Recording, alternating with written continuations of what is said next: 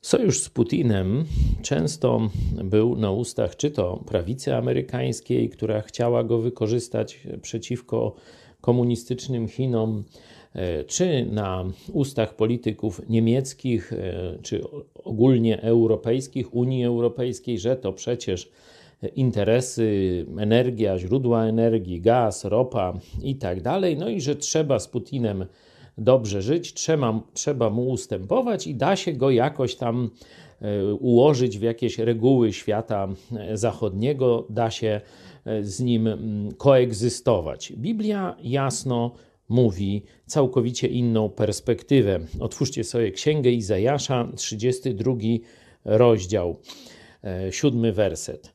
Oręż Łotra jest zgubny. Ma on zdradzieckie zamysły.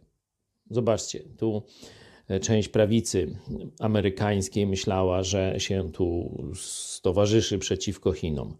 Dzisiaj już wszyscy wiedzą, że ten oręż zwrócił się przeciwko wolnemu światu. Oręż Łotra jest zgubny, ma on zdradzieckie zamysły. Komuniści, czy to chińscy, jak w przypadku Hongkongu, czy e, Putin w przypadku Ukrainy, zawsze zdradzą, zawsze oszukają i tak dalej. I e, dalej opis tego, co taki łotr jak Putin ma na celu, mówi tak: nędzarzy zrujnować, chociaż sprawa ubogiego jest słuszna. Zobaczcie, Ukraińcy chcieli tylko spokojnie żyć. Rosja mówi, że im nie wolno. Ich celem jest zniszczyć ten rodzący się biedny naród.